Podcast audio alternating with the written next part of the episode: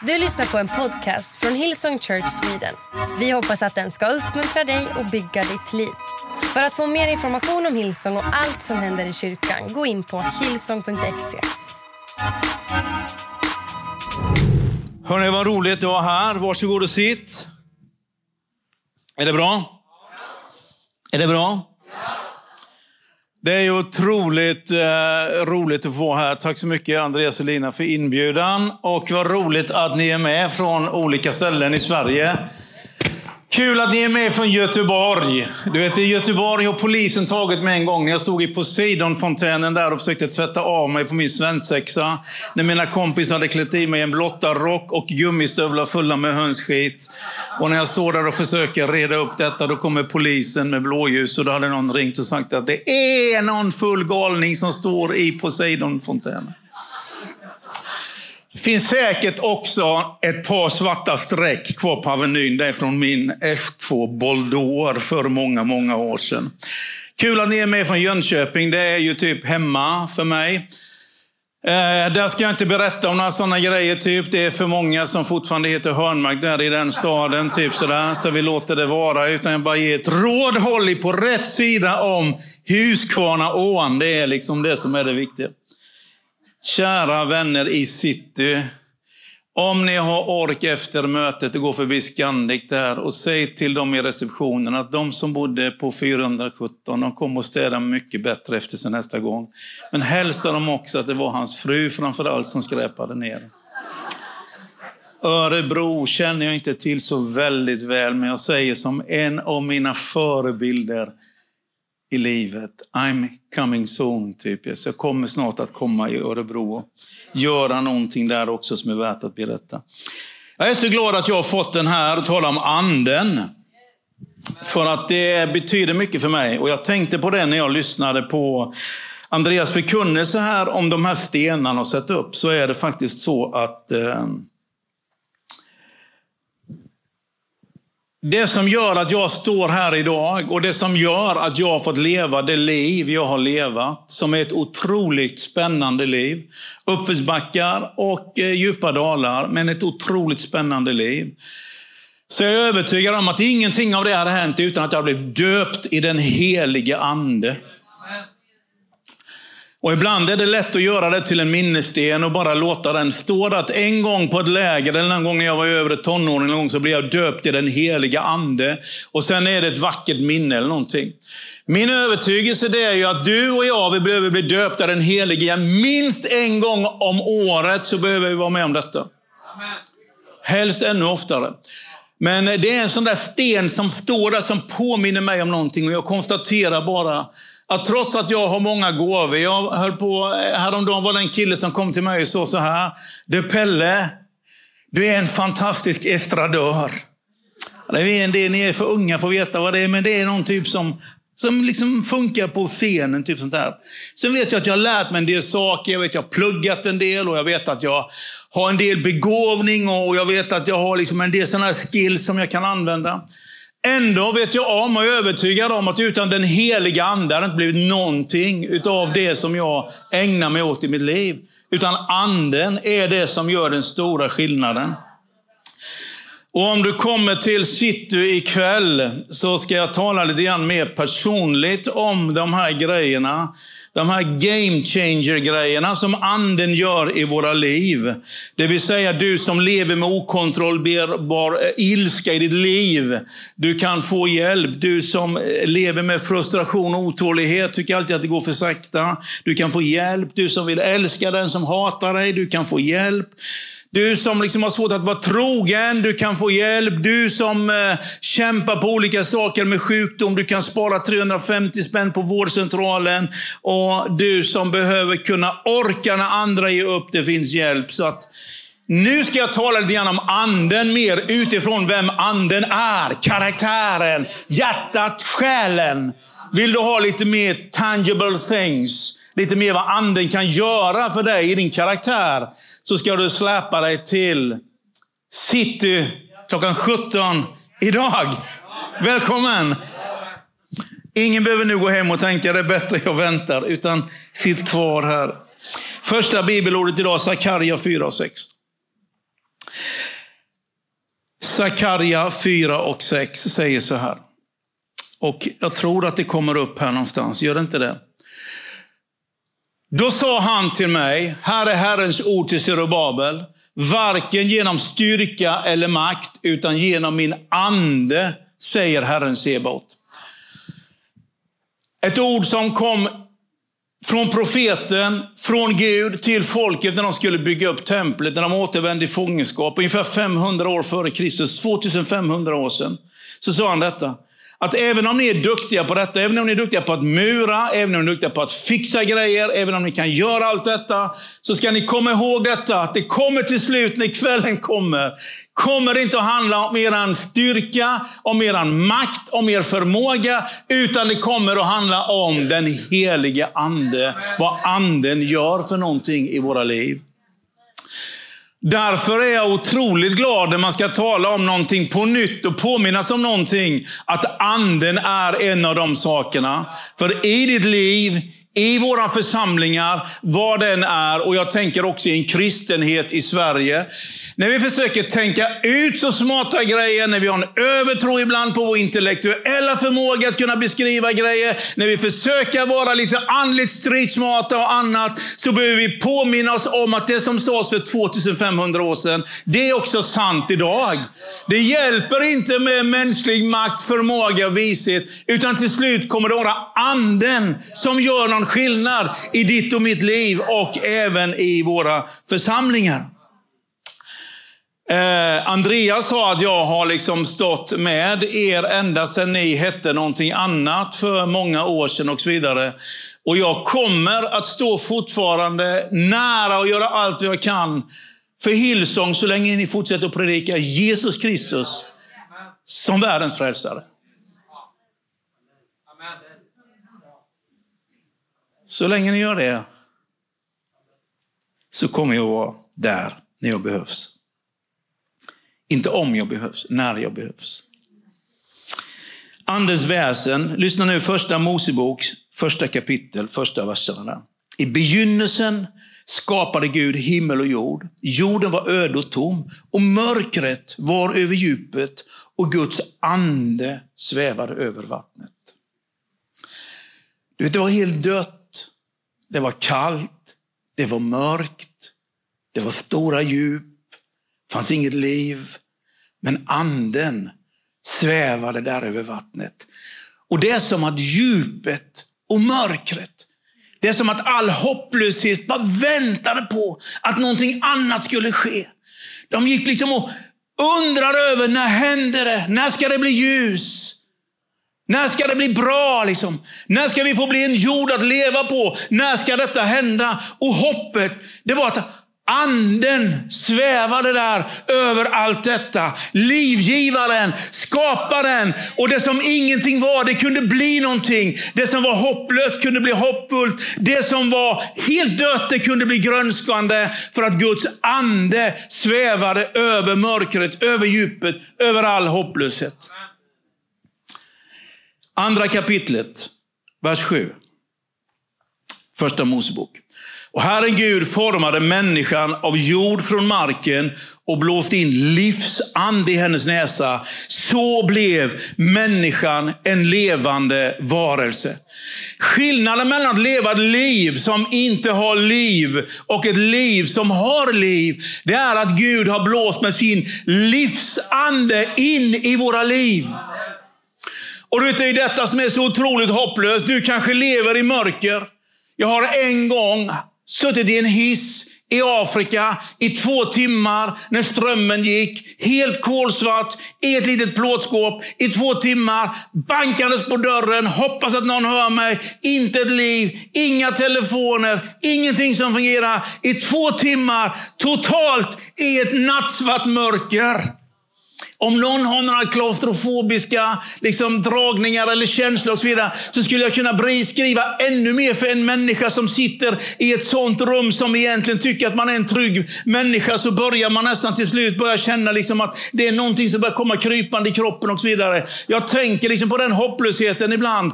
Just i det, när jag tänker på skapelsen, där den levde i detta. Liksom. Var finns det hopp? Var finns det ljus? Och hoppet var att anden fanns där. Jag vet inte vad du är idag i ditt liv. Men det som är den goda nyheten är att Gud kan skapa något genom sin ande i ditt liv. Han kan ge kärlek in i ert äktenskap. Han kan hjälpa dig att orka när du tror att du inte orkar längre. Han kan hjälpa dig att sova när ångesten kramar dig på kvällarna. Han kommer kunna hjälpa dig att vakna upp och gå till skolan. Det vill säga att anden svävade över mörkret. Anden svävade över hopplösheten. Anden fanns där och blåste rakt in i denna kropp. Liv. Så att den stod upp. Är du trött på livet så är den heliga ande bästa medicinen du kan få tag på i ditt liv. Vill du bli levande jord så är det anden som kan göra detta. Allt det här tar ju Jesus med sig då när han kommer. Han ger sitt liv på korset och innan han gör det så ger han ett löfte om den anden. Så när vi talar om den heliga ande, när vi talar om att bli döpt och fylld av den heliga anden, när vi talar om att uppfyllas av den anden, när vi talar om andens verk. Du vet, då är det ingen annan ande än den ande som en gång skapade den här tillvaron. Det är ingen annan ande än den som blåste in liv i den första skapelsen. Det är ingen annan ny variant av det, utan det är samma Guds ande som har funnits där och verkat i livet som någon slags grundvatten genom tillvaron. Så kommer Jesus, lövhöjdehögtiden. Han vet om när han går dit att de vill ta livet av honom. Han smyger in första dagen. Tar sig in någonstans genom någon av portarna på baksidan. Går runt där. Det är full kommers i staden. Han vet att de vill ta livet av honom.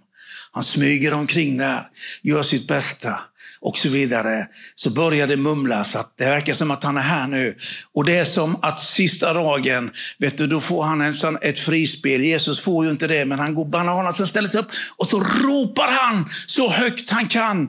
För att han har någonting att säga till tillvaron. Och det är som, ungefär som att det kvittar. Om de nu tar livet av mig, om de nu ska ta och döda mig, så är det ändå det här jag ska förmedla till alla människorna som är här. Och när han ska säga någonting och göra någonting, då då vill han bara tala om för alla att det handlar om att det finns ett levande vatten.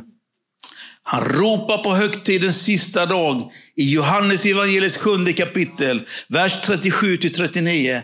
På den sista dagen, den största i högtiden, då stod Jesus och ropade, om någon är törstig, kom till mig och drick. Den som tror på mig, som skriften säger, ur hans innersta ska strömmar av levande vatten flyta fram. Detta sa han om anden som de skulle få, trodde på honom. Anden hade nämligen inte kommit än, eftersom Jesus inte hade blivit förhärligad. Det Jesus säger att vet, om du tror på mig, så finns det en möjlighet att få tag på någonting som är som en källsprång på insidan av levande vatten. Du vet, i en tid som vi lever, där vi tror att det är så mycket utifrån som hela tiden definierar oss. Och det är inte bara en ung generation som tror det, liksom med sociala likes och annat i sociala medier. Även om vi som har fyllt 60 och så vidare tror att det är någonting. Utan tyvärr är det likadant för gamla ärrade predikanter som jag. Att man hela tiden söker detta, att någon ska berätta hur bra man är eller hur god man är. Att någon ska kunna se vad man lyckas med. Att någon orkar säga det, att någon liksom tittar på en med vänliga ögon och så vidare. Jag älskar detta att det finns någonting som fungerar i en fängelsehåla. Som funkar när du är själv, som funkar när ingen uppmuntrar dig. Som funkar när ingen annan ser dig. Som funkar när ingen annan ropar hurra. Som funkar när världen vänder dig ryggen. Som funkar när alla dissar dig. Och det är att det går att få en ström av levande vatten på insidan. Och det är därför,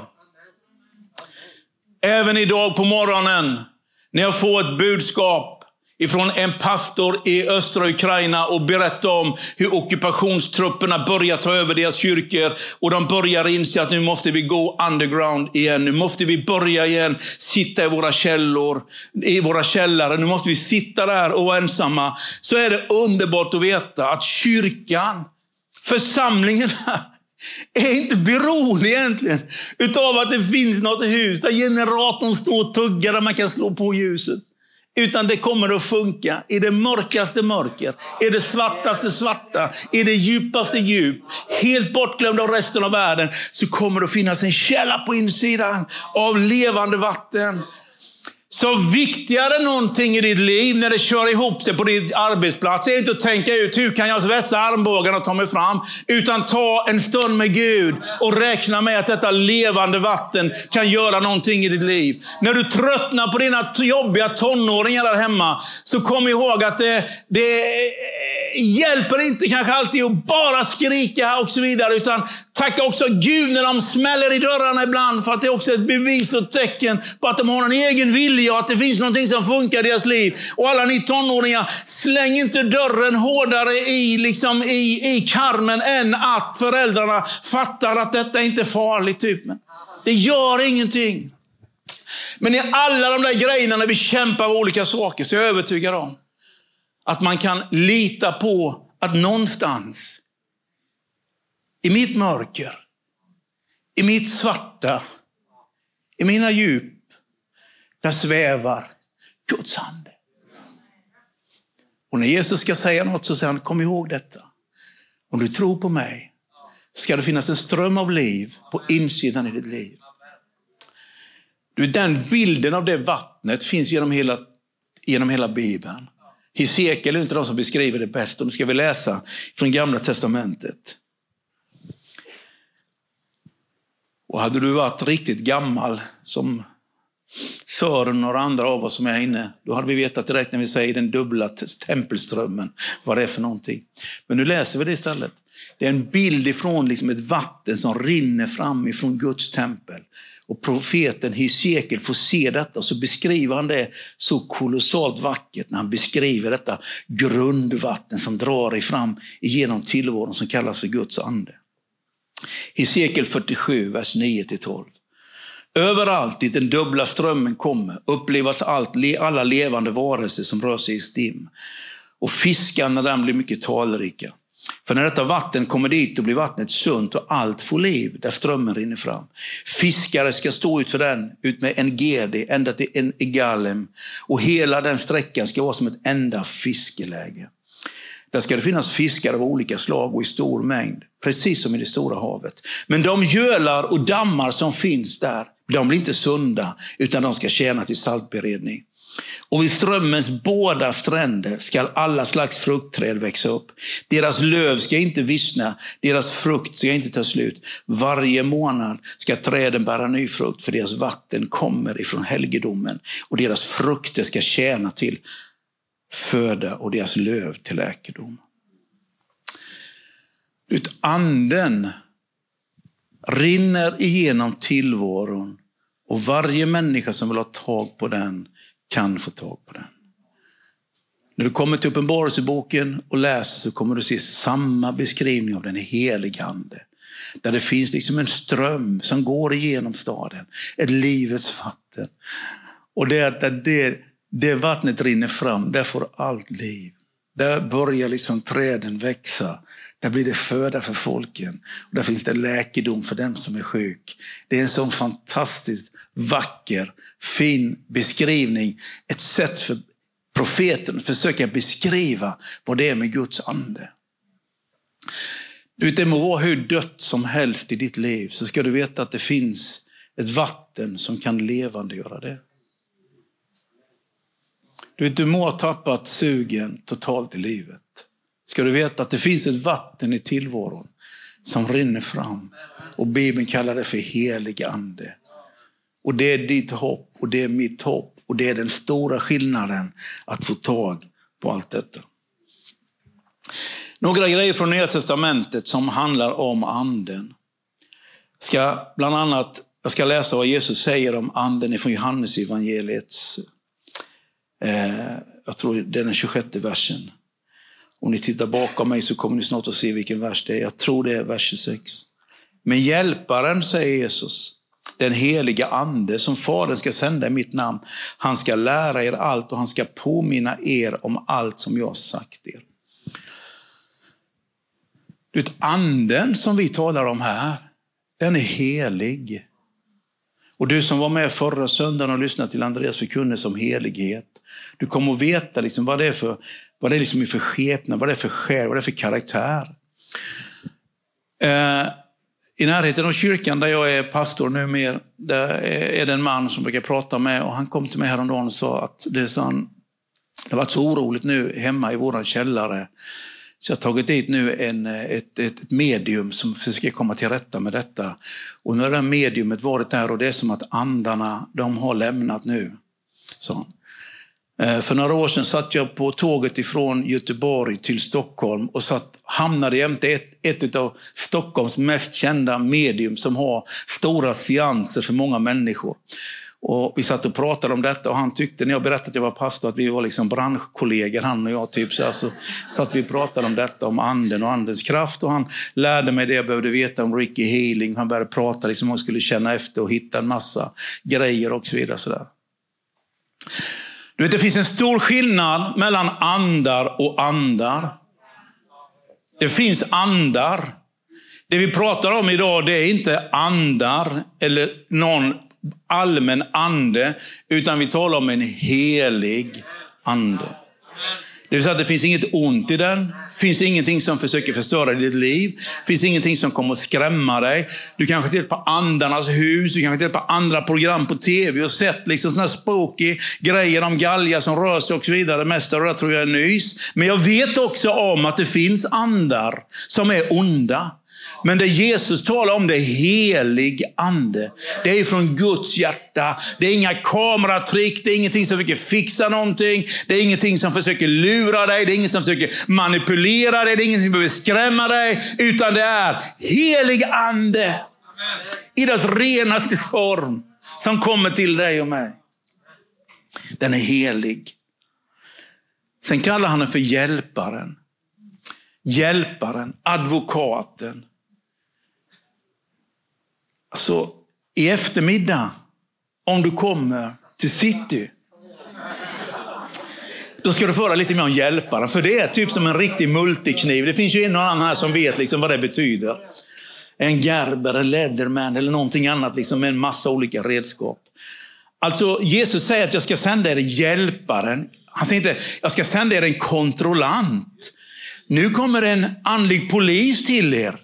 Nu kommer den som ska visa liksom, hur ni går på gatan. Utan att säga att det jag ska sända till er, det är hjälpare. Du vet, detta är grejen viktigt att komma ihåg.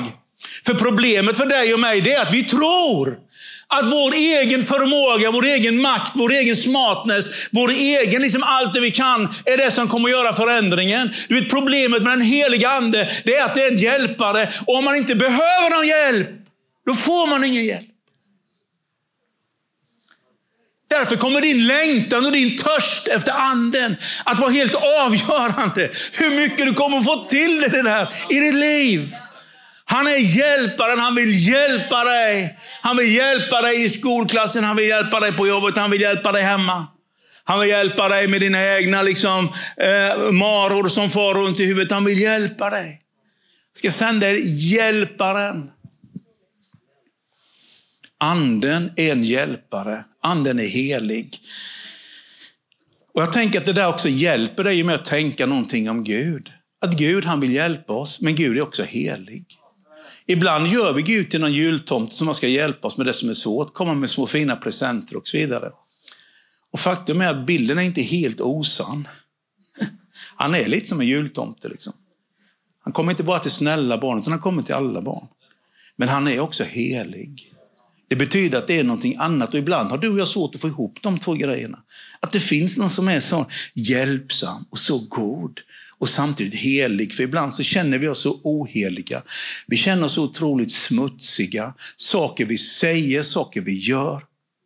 Saker vi tittar på, saker som upptar vår tanke, människor vi lurar, alla hittepågrejer grejer vi håller på med, allt annat liksom sätt att försöka styra människor efter vår egen vilja. Alla de grejerna. Så att komma ihåg om anden som är en hjälpare, men som också är helig. Och att det hör ihop. Han vill låta sin helighet flytta in i ditt liv. Han vill låta din helighet komma som en ström i ditt liv. Han kommer att göra allting rent i ditt liv. Han kommer att hjälpa dig och tvätta dig ren. Och vi skulle kunna läsa många bibeltexter om det. Sen ska han påminna dig om vad Jesus har sagt. Så att om du träffar någon som talar i den helige Andes namn och det inte stämmer om vad du läst med Jesus, så kan du bara tänka att det där är bara nonsens. Det heliga Ande gör, det är att Jesus blir förhärligad och Jesus blir känd. Så om jag går ner härifrån idag, från den här talarstolen, och ni känner att nu har verkligen Pelle försökt att branda sig själv, typ, va? då kan du vara helt säker på att det inte har med anden att göra. Anden har att göra med att Jesus blir känd, att Jesus blir upphöjd, att Jesus blir stor. Om du träffar ledare som bara försöker knyta dig till dem själva och inte till Jesus, kan du också vara rätt säker på att det inte är den helige Ande. Utan den helige Ande kommer alltid att ställa Jesus i centrum. Så när du träffar någon sån här riktig superhelare, eller en riktigt karismatisk person som bara står på så här liksom, när ljuset faller på dem. Men det enda du kommer ihåg efteråt, det är liksom, vilken predikant, vet du. Det är inte säkert att det bara är helig ande i dess renaste form. Men går du hem därifrån och känner I love Jesus more than ever. Då kan du vara helt säker på att anden har verkat i det mötet. Helig, hjälpare, talar om Jesus. Ja, det är hur bra som helst. Eller hur? Några bibelord till. Hur går det? Går det bra eller? Du vet, jag höll på att säga det är okej okay att eh, sova en stund när jag predikar, men jag kanske inte ska invagga er i sådana grejer för att det är kanske andra regler som gäller här i huset. Så glöm det.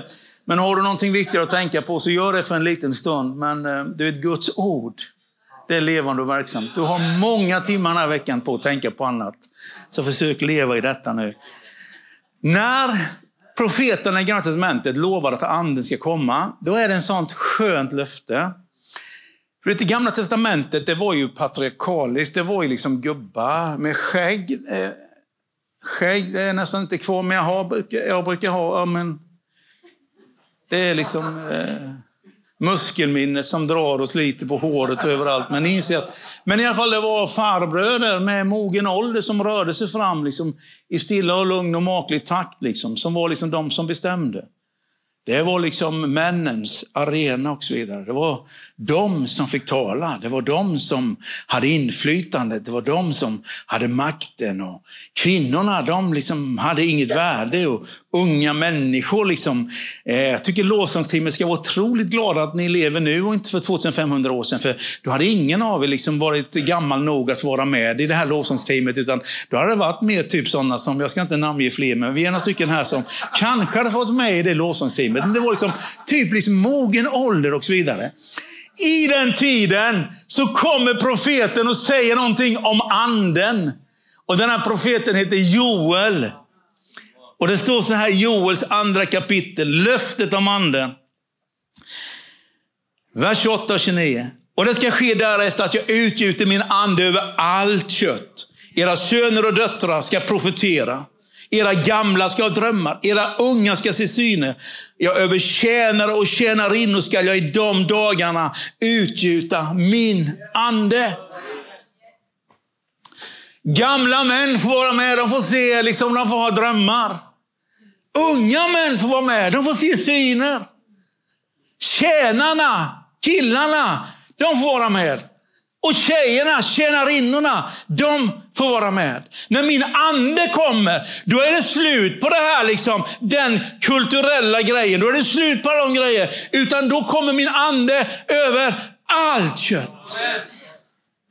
Jag älskar detta. Du vet, upp på den här scenen och andra estrader kommer inte alla, utan hit kommer de som antingen är bra på att sjunga någorlunda, eller bra på att tala eller någonting annat. Men du vet, anden, den är hundra procent rättvis. Det är kanske ingen som frågar efter dig. så ska du ändå veta att du kan vara stark i anden.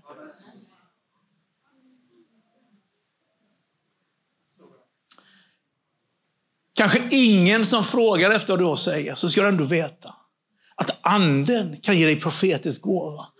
Så att du har någonting att säga till varje människa som behöver det. Kanske ingen som bryr sig om dig, men anden kan göra dig stark.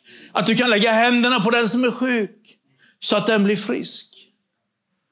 Du kanske är den mest bortglömda människan i hela världen så ska du ändå veta att du har samma tillgång till anden som vilken välkänd predikant som helst. Du har samma tillgång till anden och får leva i detta andliga överflöd som varenda människa på den här jorden. Och jag älskar detta, att när löftet om anden kommer, då är det allt kött. Och det är män, och det är kvinnor, och det är unga, och det är gamla. Det är hela gänget. Alla. Alla alla. Det är ett väldigt vackert ord. Alla. Tina och jag, vi känner en gammal dam. Massor som sitter här på första raden tror jag också vet vem. Kallar henne för mamma Tajerc. Bor i södra Etiopien. Hon är änka. Hon har ett barn som hon har försökt att ta hand om hela livet. Nu är hon en gammal kvinna. Hon bor i ett enkelt hus. Lerväggar och plåttak. Gör inget väsen av sig, försök inte vara någon. Men ber och lever i anden. När min kompis får säga, och broder, pastor Geto, som reser över hela världen, som är pastor i hennes församling, skulle åka till USA för sex eller sju år sedan, precis när valet var som mest, när alla var säkra på att Hillary Clinton skulle vinna presidentvalet. Att hon skulle göra det överlägset. Då kommer mamma Tajic till Geto innan han ska åka till USA precis innan valet. Och så tittar denna enkla kvinna upp på Geto och så säger hon, Gud har sagt till mig, det är inte kvinnan som vinner valet, det är mannen som vinner valet. Hon vet inte vad de heter, hon vet ingenting. Det enda hon har fått för sig är att det är, kvinn, det är mannen som kommer göra det, inte kvinnan. Typ. En gång kommer hon till Gete och säger, nu måste vi be för Pelle, det är någonting som är besvärligt. Samma dag så sliter jag av hälsenan på väg ner från Kebnekaise. Och då tänker man, ska Gud bry sig om det? Liksom? En överviktig medelålders man som utsätts för grejer som han inte borde utsättas över. Men du vet, det är därför han är hjälpare. Det är det som är det fina i kråksången. Det är the sweet spot i detta. Att han till och med låter en gammal dam i Etiopien be för en predikant som gör bort sig i svenska fjällen. Eller som uppenbarar någonting om hur det kommer gå i framtiden.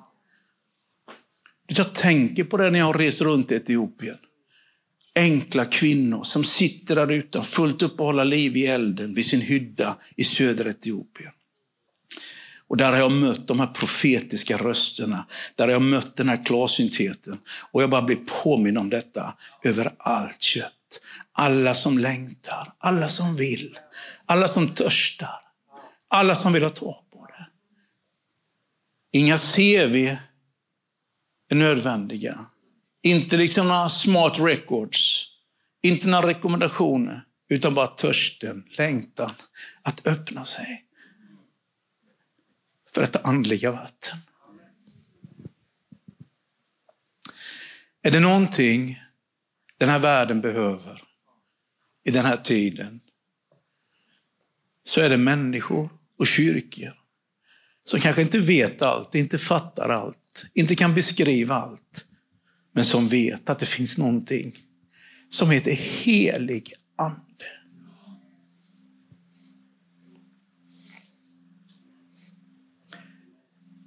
Som svävar över allt mörker. Som rör sig över bråddjupen i våra liv. Som finns där allt är tomt. Första Korinthierbrevet 12 kapitel talar om anden så säger det, men hos var och en så visar sig anden så att den blir till nytta hos var och en. Lite senare i samma kapitel, vers 13. I en och samma ande har vi alla blivit döpta för att en och samma kropp, vare sig vi är judar eller greker, slavar eller fria. Och vi har alla fått samma ande utgjuten över oss. Lite senare i det fjortonde kapitlet, vers 26. Hur ska det gå var bröder? Jo, när ni samlas så har var och en någonting att ge. En psalm, en undervisning, en uppenbarelse, ett tungotal, en uttydning. Låt allt bli till uppbyggelse. Var och en har någonting att dela med sig av. Anden. Och så är det som att allt som har med den heliga Ande att göra är inbäddad i kärlek. Det finns en som heter Charles Finney, en väckelsepredikant på 1800-talet. När han berättar om att anden kom över honom, så bara berättar han om detta, denna flod av kärlek som strömmar igenom. Han berättar om det var som Guds väldiga vingslag. Han beskriver detta så otroligt, denna kärleksflod som rinner igenom honom. Om du känner dig oälskad och du känner att ingen har brytt sig om dig, Kanske aldrig kommer ihåg att pappa har tagit dig i famnen eller mamma har sagt något uppmuntrande. Ska du veta att det finns en övernaturlig kärlek genom den heliga Ande som kan strömma genom varje fiber i din kropp. Som kan upprätta varje människa. Så det är som att i Bibeln mellan det som handlar om Andens gåvor i första Korinthierbrevet 12 och första Korinthierbrevet 14 så finns det ett kapitel som heter Kärlekens lov det trettonde kapitel. Det är som att alla dessa andens gåvor och andens liv är liksom inpackat i kärlek. Och därför behöver du aldrig vara rädd för anden, vad den kommer att göra med dig. För den kommer bara vara full av kärlek. Och du behöver aldrig vara rädd för andens män och andens kvinnor. För de kommer aldrig göra något trick med ditt sinne, med din vilja. De kommer aldrig manipulera dig. För de kommer vara drivna Utav kärlek till Gud och kärlek till dig.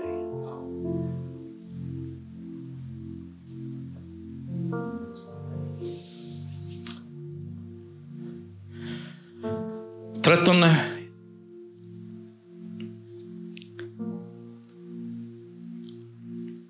kapitlet, vers 1 och 2 säger så här. Om jag talar både människor och änglars språk, men inte har kärlek, då är jag bara nekande brons, en skrällande symbol.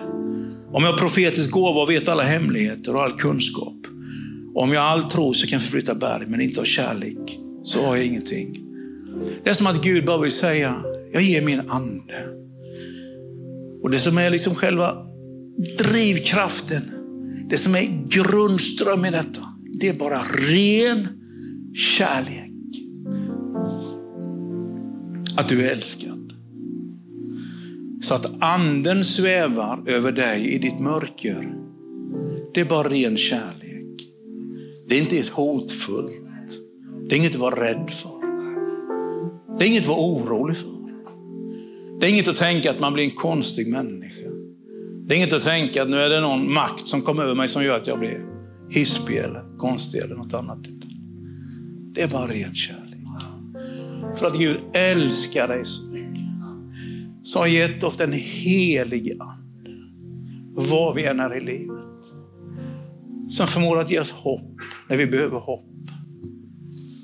Som kan upprätta den som är trasig. På samma sätt som det låg en kropp på backen ifrån askan, så blåser Gud sin livsande in i kroppen och kroppen får liv. Han vill levande göra dig där du är i livet, var du än finns någonstans.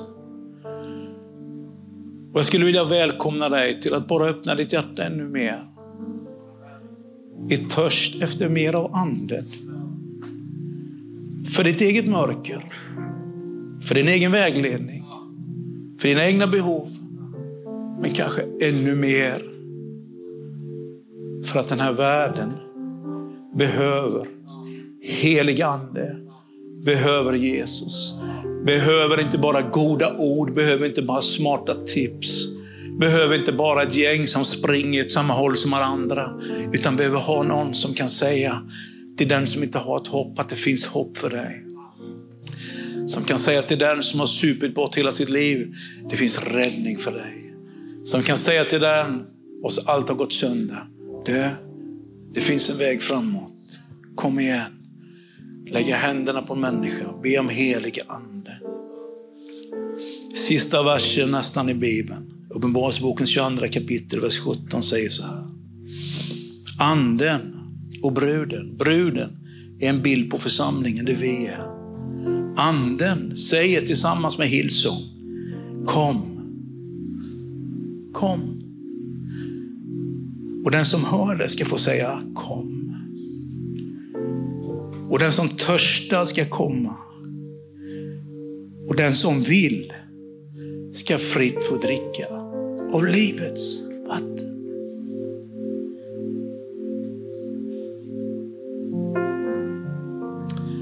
Anden säger kom. Guds församling får vara med i det och säga kom. Och den som vill ska få komma och dricka av livets vatten.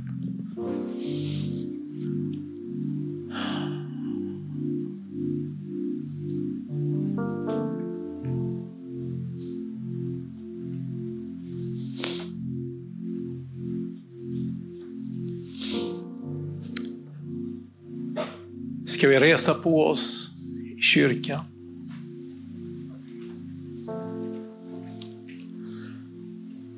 Skulle den här förmiddagen bara vilja säga till dig, kom.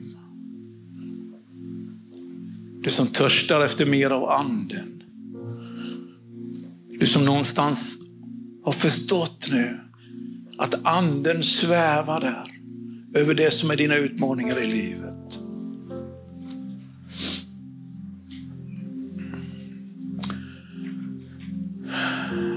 Enklaste sättet för mig att, att inbjuda dig är att säga kom, typ. Längtar och törstar efter anden, så bara kom fram hit och ställ dig här. ska vi be tillsammans.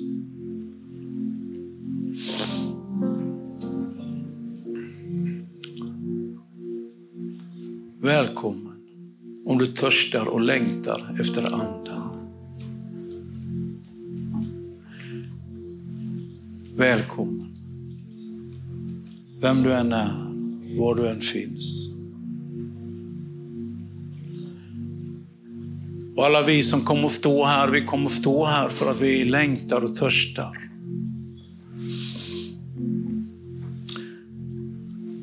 Och när Bibeln säger alla, så betyder det alla. Det betyder att du bara kan lägga handen på den som står jämte dig och bara be om Guds välsignelse.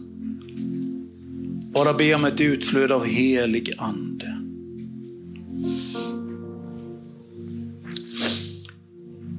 Halleluja. Och om du kommer tillbaka i eftermiddag, då ska jag dessutom berätta om världens vackraste språk. Det är bara två som kan det. Det är din ande och det är Gud. Det kallas för tungotal. Och om du just nu när du står här Börja få liksom ord, språk i ditt hjärta. Konstiga ord som du kanske tror någon härmar, att du gör någonting annat så. Bara tala ut de orden. Anden vill ge dig ett nytt språk, ett bönespråk mellan ditt innersta och Gud. Kom helig Ande, kom helig Ande. Jesus. Jesus.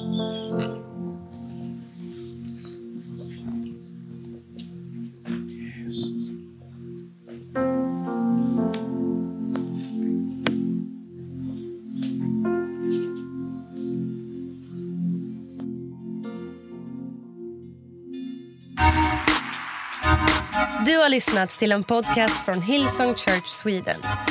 Om du vill veta mer om vår kyrka eller om våra söndagsmöten surfa in på hillsong.se.